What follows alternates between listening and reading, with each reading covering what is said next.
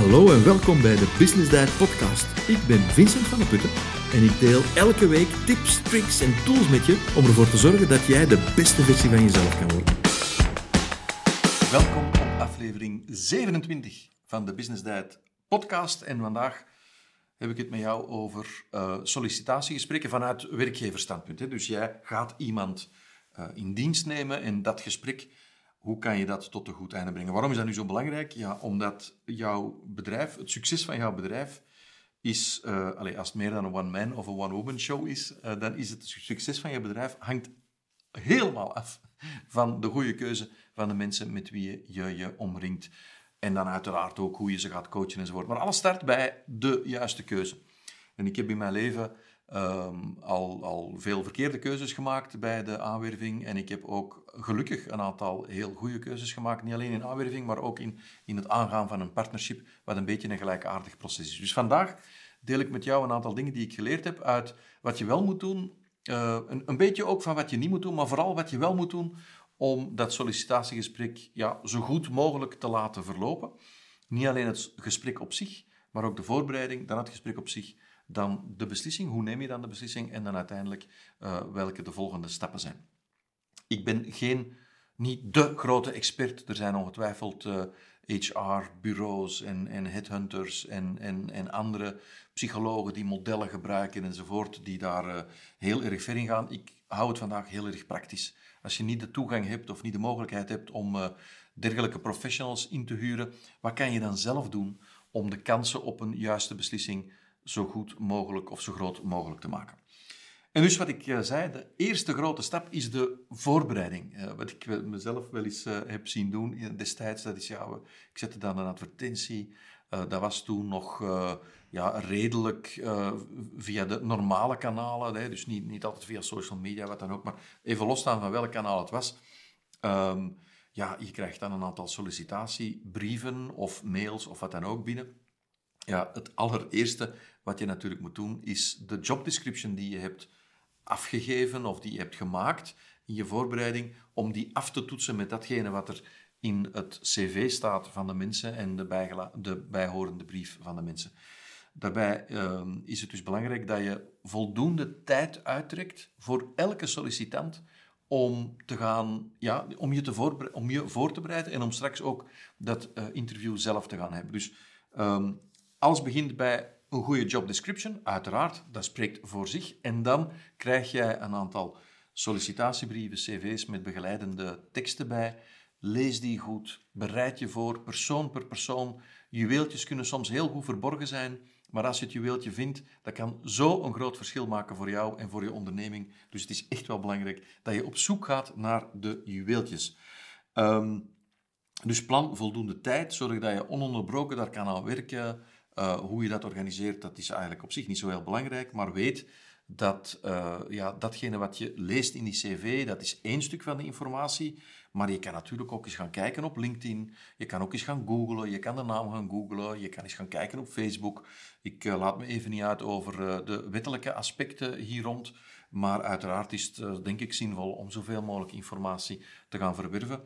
En om, om, om ook de persoon ja, daar misschien ook wat, wat vragen over te stellen. Ook daar zijn wettelijke beperkingen, daar ga ik vandaag niet op in. Maar um, dat is wel belangrijk. Wat, wat ook belangrijk is, is om na te denken, wat zoek je eigenlijk? Hè? Dus je hebt de job description en dan heb je de invulling van die job description. Dat zit in de voorbereiding. Maar ook naar gedrag en ja, houding van de persoon ben je op zoek naar een aantal zaken. Dus even op te schrijven, wat zoek je eigenlijk? En dat staat misschien niet woordelijk in je job description, maar wat zoek je op het vlak van energie, dat die persoon uitstraalt? Wat zoek je op het vlak van mindset? Wat zoek je op het vlak van, van zelfvertrouwen? Van uh, ja, hoe gedraagt die persoon zich uh, al dan niet in een team? Uh, hoe gedraagt hij zich tegenover de mensen om hem heen, om haar heen? Ik, ik vind het altijd heel erg belangrijk om net datgene wat voor het sollicitatiegesprek plaatsvindt. Hè, hoe, hoe een sollicitant bijvoorbeeld omgaat met de receptioniste of met, met de, de, de persoon van de security aan de, aan de ingang enzovoort dat contact vind ik uh, heel erg belangrijk. Um, als dat respectloos is, dan gaat dat zich vroeg of laat kunnen vertalen in, in de job ook. Dus um, kijk, uh, ervaar, uh, bereid je voor en, en ga breder dan alleen datgene wat je op papier hebt gekregen. Bereid ook vragen voor. Je hebt dan dat cv gekregen, je hebt die brief gekregen. Je kan een aantal algemene vragen voorbereiden. Die heb je nodig, die algemene vragen, want dan krijg je specifieke antwoorden van elke persoon. Je gaat straks hopelijk uh, een keuze moeten maken uit verschillende mensen. En om die keuze te kunnen maken, is het belangrijk dat je kan vergelijken tussen de verschillende uh, personen die dan op dezelfde vraag een antwoord hebben gegeven. Als je aan iedereen allemaal verschillende vragen stelt, ja, dan wordt die objectieve uh, meting wordt dan natuurlijk veel moeilijker. Dus stel of bereid algemene vragen voor die je aan iedereen gaat stellen. En bereid ook heel specifieke vragen voor. Als iemand ja, iets heel bijzonders heeft uh, omschreven in zijn uh, cv, dan is het belangrijk dat je daar ook even specifieke vragen kan over stellen. Om inhoudelijk te weten waar het over gaat, maar ook om naar dat gedrag, hè, naar dat zelfvertrouwen, naar de mindset, naar het teamplayer aspect enzovoort, om daar meer over te weten. Belangrijk is om in dat interview te gaan interviewen. Dus veel meer te gaan luisteren, veel dieper te gaan luisteren dan enkel het feitelijke antwoord wat je gaat krijgen. In uh, de voorbereiding is het uh, belangrijk om ook naar de persoon zelf een aantal dingen te doen, maar ook om een soort ja, grid, een soort overview klaar te houden, waar je de verschillende namen gaat opzetten, zodanig dat je straks in de beslissingsfase een weging kan gaan geven aan de verschillende elementen. Ik kom daar straks op terug in de derde grote fase. Dus de eerste is de voorbereiding, daar hebben we het nu een beetje over gehad. Um, maar neem dat ernstig. Hè. Voor die mensen die bij jou komen solliciteren, is dit ook heel erg belangrijk. Het is een belangrijk moment voor hem of voor haar. Wel, ja, geef dan ook het nodige respect door daar ook de tijd voor uit te trekken en het nodige te doen. Er is niet zo erg als uh, een sollicitant te verwelkomen uh, allee, verwelkomen is dan in dit geval een, een slecht voorbeeld of een slechte woordkeuze. En, en dan een beetje uit de lucht vallen van, ja, wie ben jij nu weer? En nou ja, wacht, ja, je brief, ja, cv, weet ik niet meer. Dat is ook een eerste indruk van jou naar die persoon toe. En dat speelt ook. Dus, tweede fase in het uh, sollicitatieverhaal is dan het interview aan zich. En daar uh, denk ik dat het, uh, de, de spreuk You never get a second chance for a first impression in twee richtingen geldt. Ik heb de indruk, ik heb het gevoel dat, je, dat sommige werkgevers te vaak alleen vanuit hun standpunt kijken. Die persoon gaat iemand aanwerven als werkgever en de werkgever gaat iemand aanwerven en bekijkt de zaak te veel vanuit dat standpunt. Wat je als werkgever niet mag vergeten, dat is dat je ook een indruk geeft aan die persoon. En als je die persoon aanwerft dan gaat die eerste indruk ook bijblijven. Die gaat dat onthouden. Die gaat nog zeer goed weten wat er allemaal gezegd is in een sollicitatiegesprek. Zelfs twee jaar na datum, terwijl jij het misschien vergeten bent. Maar ook in het geval dat die persoon niet wordt weerhouden, dat je die persoon niet gaat aannemen, dan is dat heel belangrijk dat die persoon een correct, een juist, maar liefst ook een positief beeld heeft van die interactie. Waarom? Ja, die persoon die gaat ja, dus niet bij jou werken, die gaat elders werken, die gaat het misschien ooit over jouw bedrijf hebben, misschien wordt dat ooit een potentiële klant van jouw bedrijf, wat dan ook. Dus die eerste positieve indruk, die geldt zowel van de sollicitant naar jou toe, als van jou naar de sollicitant toe. Dat stukje mindset nodig ik je uit om even mee te nemen. Jij hebt ook een verantwoordelijkheid om het goed te doen. Daar hoort bijvoorbeeld bij dat je op tijd start. Daar hoort bijvoorbeeld bij dat je op een, op een aangename manier de persoon kan verwelkomen. Um, denk erom, als het goed is, en dat bedoel ik oprecht, dan is die persoon een beetje zenuwachtig. En je wil die persoon een beetje op zijn of haar gemak zetten. Dus doe ook die moeite. Verwelkom die, geef die een hand, uh, geef die een glaasje water of iets anders. Uh, zorg voor de, de, de, ja, een beetje het comfort wat die persoon net een beetje op zijn of haar gemak kan zetten. Dat is uh, des te mooier trouwens. Hoe meer die persoon op zijn gemak is, hoe meer die persoon zichzelf is en hoe meer jij ook uh, ja, beter, een beter beeld gaat kunnen vormen, een weloverwogen beslissing gaat kunnen nemen of maken over de al dan niet aanwerving van die persoon. Past die wel of niet in jouw team? Als hij daar uh, gecrispeerd, zenuwachtig, niet zichzelf uh, zit te zijn, ja, dan is dat heel moeilijk om, om daar een juist beeld van te krijgen. Dus dat is jouw verantwoordelijkheid. Wat ik je ook uitnodig om te doen is, hè, dus op tijd beginnen, die persoon verwelkomen, een beetje voor de comfortdingen zorgen, een beetje drinken enzovoort. Dat is allemaal prima. Stel jezelf ook even voor. Hè. Wie ben jij? Wie ben jij in het verhaal? Hè? En vertel ook wat het proces is. Leg het proces ook uit. Hè. Leg bijvoorbeeld uit van, kijk, we hebben nu een eerste gesprek. Uh, dat is een eerste ronde. Die hebben we met een aantal mensen. Daar volgt een shortlist uit. Die shortlist, die mensen die op die shortlist staan, die nodigen we opnieuw uit. Mocht jij daarbij zijn, dan nodigen we jou opnieuw uit. Ben jij er niet bij, dan gaan we jou daar ook van op de hoogte brengen. Leg de stappen van het proces uit, zodanig dat die persoon ook weet wat er van hem verwacht wordt en wat hij of zij ook kan verwachten. Dus het is een beetje ja, manage the expectations. Hè. Manage de verwachtingen van die persoon. Ook dat is eigenlijk ja, gewoon een vorm van beleefdheid, maar heeft ook weer te maken met die eerste indruk. Dan ehm, is het natuurlijk leuk dat je de CV, het CV, ik weet niet, de CV, de curriculum vitae, het curriculum vitae, ik denk dat het cv is, ik weet het niet, ik moet het opzoeken. Niet belangrijk. Dat je het cv van die persoon bij de hand hebt, dat je daar eventueel wat notas bij de hand hebt, dat je die, die achtergrondinformatie dat je die bij de hand hebt, niet als een soort politiedossier, maar wel dat je ook kan tonen dat je goed voorbereid bent, dat je ook ja, respect toont, belang hecht aan wie daar tegenover zit. En uh, zelfs als dat niet het juweeltje is waar je op hoopt, ook dan verdient die persoon uh, zijn, jouw respect. Dus je hebt die, uh, die cv of die resume, hoe dat je het ook wil noemen, heb je erbij. En je stelt dan ja, een aantal vragen. Je stelt dan een aantal situationele vragen. En je stelt dan een aantal vragen die meer te maken hebben met het gedrag, met de attitude van de persoon. Die situationele vragen die hebben gewoon te maken met uh, ja, misschien wat algemeenheden van uh, wat heb je gestudeerd, waar heb je gestudeerd enzovoort. En ik nodig je uit om te luisteren naar het situationele antwoord, het feitelijke antwoord dus dat is wat die persoon zegt en ook te luisteren naar hoe die dat zegt. En als ik zeg luisteren, dan bedoel ik daar ook heel oprecht mee. Kijk ook naar die persoon als die iets zegt. Nu, sommige mensen zitten in een sector of uh, hebben al zodanig veel negatieve ervaring dat zij van het sollicitatiegesprek ook een soort uh, waardebepaling willen maken naar de eerlijkheid van de andere persoon. Dat is natuurlijk uh, niet zo evident, maar in sommige sectoren komt dat gewoon meer voor dan in andere sectoren. En dan moet je echt gaan, gaan kunnen uitpluizen, is die persoon uit zijn nek aan het klitsen of is die persoon de waarheid aan het vertellen? Dat is natuurlijk ook wel redelijk belangrijk. Dus als je bepaalde discrepanties ziet in het cv, als je bijvoorbeeld grote leemtes ziet, als je onregelmatigheden ziet in de tijdlijn, dan is het eh, wel belangrijk dat je daar ook de nodige vragen over stelt. En misschien heeft iets een eh, heel heldere, een heel duidelijke, een heel uh, goede uitleg, en dan is dat prima. Maar als er geen goede uitleg voor is, dan nodig ik het toch uit om uh, daar echt ernstig rekening mee te houden. In het beslissingsproces, wat de volgende stap is in de podcast, leg ik je uh, uit wat ik daarmee bedoel. Maar het is toch wel belangrijk dat je die onregelmatigheden eruit vogelt, eruit haalt en dat je zeker bent dat dat allemaal wel klopt. Dan uh, over de, de, vragen op zich. Uh, ja, misschien weet je dat het Business. Ik ben nogal een grote fan van Elon Musk... En er is een vraag die die uh, stelt. Hè. Je kan van Elon Musk kan je heel veel dingen zeggen.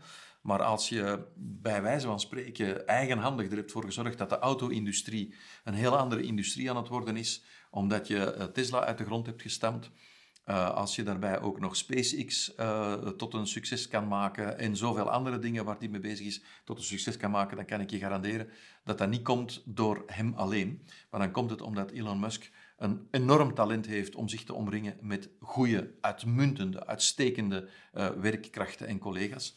Dus een van de dingen die je zeker moet nageven, dat is dat hij, en daar staat hij ook voor bekend, dat hij heel goed de, ja, de sollicitatiegesprekken weet te houden, dat hij heel goed kan inschatten wie dat hij tegenover zich heeft. En een van de vragen die hij dus altijd stelt, naar het schijnt, is ik ga, hem in het Engels zeggen en dan ga ik hem vertalen.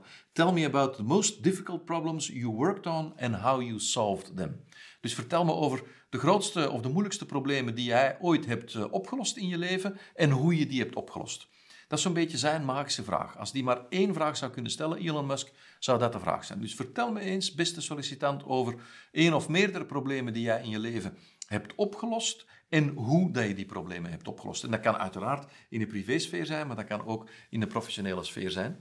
Als het bijvoorbeeld een functie is van een ingenieur, dan gaat het misschien over een technisch probleem wat die heeft opgelost enzovoort. En Elon Musk, als je erover nadenkt over die vraag, Elon Musk zegt, dat is voor mij de allerbelangrijkste vraag. Want ik doe daar twee dingen mee, zegt hij. Eén, ik haal daar de mensen uit die uh, zichzelf een pluim op de hoed zetten die die eigenlijk niet verdienen. Dus mensen die dan beginnen te zeggen dat ze een groot probleem hebben opgelost, Um, en als zij het zelf niet hebben opgelost, dan kunnen ze wel zeggen: Ik heb dat probleem opgelost. Maar wat ze dan niet kunnen, is in detail gaan vertellen hoe ze het hebben opgelost. Dus dan lopen zij vast op het hoe. Dus daar haalt hij al een stukje de pochers en de stoeffers, bij wijze van spreken, haalt hij er daarmee uit. En ten tweede hij leert daar enorm veel over ja, het gedrag van die mensen. Of ze teamplayer zijn, of ze zelfzeker zijn, hoe ze werken onder druk, hoe creatief of hoe innovatief ze zijn. Hij leert daar enorm veel, en dat is dan het stukje hoe heb je die problemen opgelost. Hij leert daar enorm veel uit. En ik vind het een, Heel leuke vraag. Het is trouwens een vraag die ik uh, sinds ik hem gelezen en sinds ik erover geleerd heb, ga ik hem ook meenemen in onze sollicitatiegesprekken. Uiteraard ga ik, hem niet in het Engels stellen, maar je begrijpt uh, dat dit een vraag is die uh, je beslissingsproces of je sollicitatiegesprek uh, enorm kan helpen. Dus je stelt een aantal algemene vragen om te kunnen vergelijken tussen de verschillende kandidaten. Je stelt een aantal situationele vragen om de feitelijkheid er goed uit te kunnen halen. En je stelt een aantal wat men noemt behavioral questions, hè, meer vragen die te maken hebben met het gedrag, het zelfvertrouwen, de mindset van, van de persoon. Uh, en dan kom je stilletjes aan tot uh, de situatie waar jij ook aan die persoon de gelegenheid geeft om zelf vragen te stellen. Ook daar kan je weer heel veel uit leren.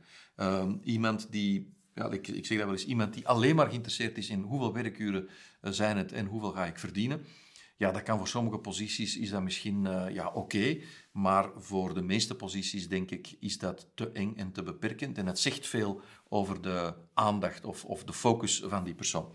Uiteraard is het belangrijk dat men weet hoeveel uren er moet gewerkt worden. Uiteraard is het belangrijk dat men weet hoeveel men gaat kunnen verdienen. Maar als dat de enige twee vragen zijn die iemand stelt, dat zegt ook wel veel. Dus ik nodig je uit om die persoon dan ook te, ja, een beetje te gaan motiveren. Zeggen, ja, wat wil je nog graag weten? En um, het soort vragen wat er dan gesteld wordt en, en hoe die persoon ermee omgaat, dat is heel belangrijk. Nu, je kan natuurlijk in een positie zitten dat jij, iemand op, dat jij in een bedrijf, in een sector zit, waarbij het gewoon heel competitief is, of het, sollicitatieveld heel competitief is. Uh, als je bijvoorbeeld een accountantsbureau hebt, ja, een goede medewerker vinden is niet evident. Uh, nu, tussen haakjes, ik hoor dat heel vaak zeggen van een accountant, maar ook van een advocatenkantoor. Ik hoor het zeggen ook van iemand die een kapsalon heeft goede mensen vinden is gewoon heel erg moeilijk. Dus competitief is het denk ik een beetje voor iedereen. Nu, bij, andere, bij sommige mensen moet je jezelf net iets meer gaan profileren, net iets meer kunnen verkopen, kunnen verkopen dan anderen. Uh, zo heb ik de zoon van een van mijn beste vrienden, die studeert af. En die is afgestudeerd in uh, een logistieke omgeving. En die heeft zijn mind zo'n beetje gezet, of die heeft zijn geest zo, zo, zo, zijn beslissing al genomen. Die wil voor dat bepaalde bedrijf gaan werken. En er zijn ondertussen drie of vier bedrijven in dezelfde sector die uh, hem eigenlijk ook willen aanwerven. Want er is een groot tekort aan dat profiel. Maar die heeft zijn, zijn, zijn hoofd er eigenlijk een beetje op gezet dat hij bij dat ene bedrijf wil gaan werken. Dus die andere bedrijven moeten wat extra moeite doen. Wees daarin gewoon oprecht. Wees daarin. Uh, don't overpromise and underdeliver. Uh, overpromise and underdeliver. Nee, doe het andersom. Underpromise and overdeliver. Wees oprecht, wees eerlijk. Zeg wat die mensen kunnen verwachten. En uh, hou het op een heel menselijke, constructieve, respectvolle manier. Ik uh, ben nu vanuit het interview, waar jij trouwens ook notas mag nemen, en misschien moet je dat ook gewoon doen, hè, gewoon dingen opschrijven, uh, maar je bent daar niet de hele tijd met je hoofd over je blad uh, gebukt. Je kijkt de persoon zoveel mogelijk aan, af en toe schrijf je eens iets op. Je stelt ook een vraag op een vraag, hè, dus je stelt een vraag van, je zegt dat je geboren bent in, uh, weet ik veel, in Chicago. Uh, Oké, dat staat in je, in je cv. Vertel eens, hoe kom je dan hier terecht? En, ah ja, mijn vader is gedetacheerd naar. En dan, ja, stel wat vragen, ga wat verder in op de informatie die je krijgt. En dan kom je stilaan in de derde fase. Je kan het gesprek gaan afronden, de persoon bedanken, nog eens even uitleggen wat de volgende stappen zijn. En dan kom jij in de beslissingsfase. En bij de beslissingsfase heb ik een hele snelle, makkelijke tip die ik zelf volg en die me al enorm heeft geholpen. Dat is als je een negatief gevoel hebt bij de persoon, uh, dat is van dat gevoel te volgen. Nu, ik heb het even niet over als jij een HR-verantwoordelijke bent in een enorm strak georganiseerde entiteit, waarbij bepaalde regels enzovoort moet volgen. Ik spreek, ik richt me nu even tot de KMO, uh, ondernemer, de projectleider of, of de verantwoordelijke van een bedrijf of een zaak, wat dan ook, waar dan niet die strikte, strikte of strakke processen lopen, dan nodig ik je uit om je intuïtie te volgen als je intuïtie negatief is. Als je intuïtie positief is over die persoon, als je enthousiast bent, als je er een goed gevoel bij hebt, dan nodig ik je uit om dat goed gevoel te onderbouwen met feiten. Met andere woorden, dan moet je eigenlijk bewijzen dat je intuïtie correct is. Bij een negatieve intuïtie hoef je dat niet te doen. Dat is iets wat ik volg. Als ik een negatief gevoel heb bij iemand, dan, dan parkeer ik het gewoon. Dan zeg ik het achteraf ook van, uh, voor mij zat het gevoel niet helemaal goed en dan leg ik dat ook uit en klaar. En dan gaan we naar, naar, de, volgende, naar de volgende persoon. Ik zeg dat daarom niet onnoodzakelijk op het moment zelf. Uh, want ik geef mezelf altijd even de tijd om alles op een rijtje te zetten. Dat lijkt me ook fair en rechtvaardig. Maar ik geef het even mee als, als belangrijke beslissingsfactor al een negatieve intuïtie onmiddellijk volgen, een positieve intuïtie niet zomaar volgen, onderbouwen met feiten.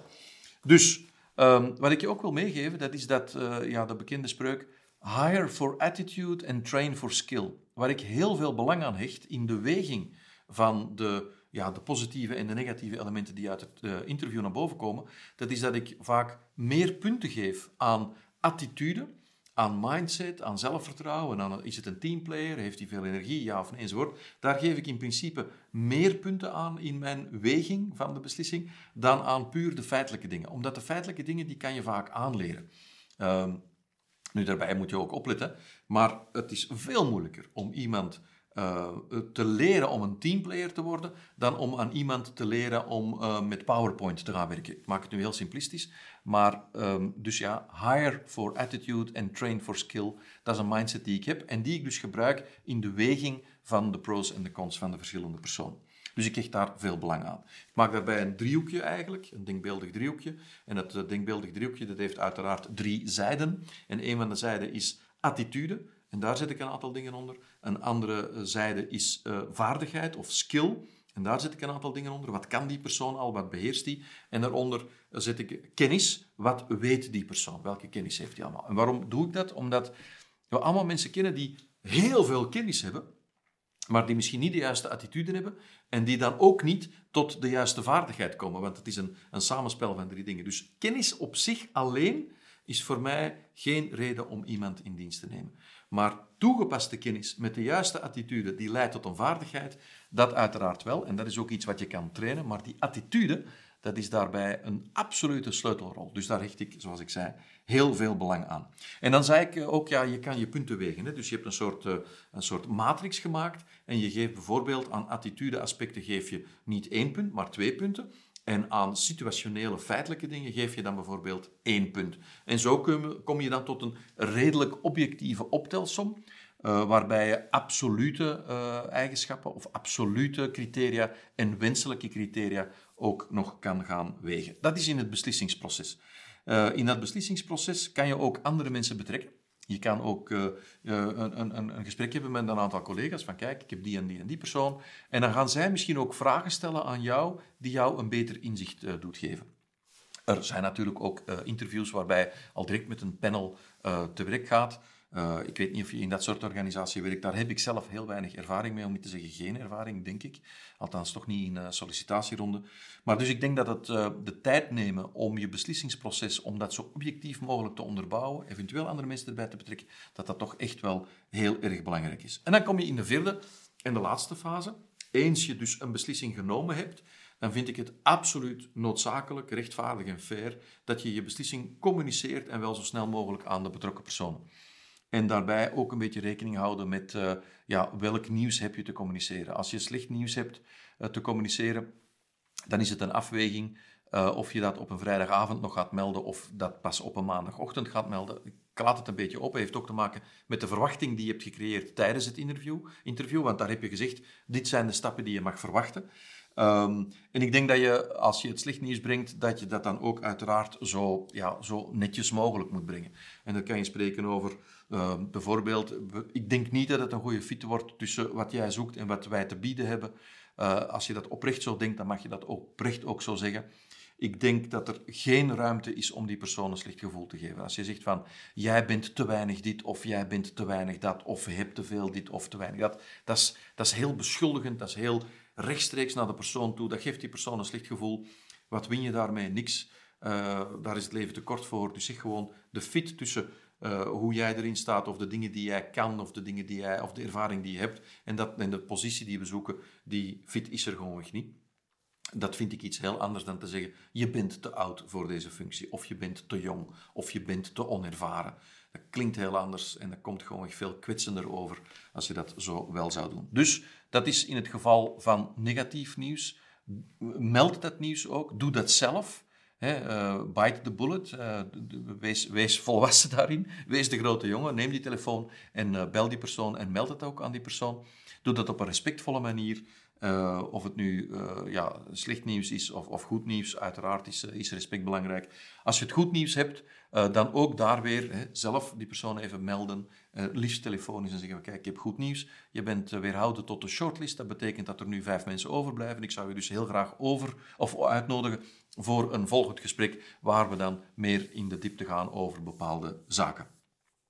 Denk erom, al hetgeen er gebeurt in dat sollicitatieproces, de manier waarop je reageert op de e-mail, de eerste e-mail, de manier waarop je reageert op een spontane sollicitatie bijvoorbeeld, de manier waarop je omgaat in het interview, de manier waarop je de beslissing communiceert, de oprechtheid waarmee je dat communiceert en het respect, dat zijn allemaal dingen die bijblijven. Of die persoon die bij je blijft werken, of die persoon die blijft niet bij je werken, of die komt niet bij je werken, Iedereen onthoudt dat. Ik denk, als jij terugkijkt naar jouw eerste sollicitatie of je tweede gesprek, wat dan ook, je weet nog hoe dat ging. Je weet nog hoe men met, uh, met jou omging. Ik hoor zo vaak mensen zeggen van, goh, uh, die hebben zo met mijn voeten gespeeld, of dat was zo dit of zo dat. Negatief gevoel, dat blijft bij.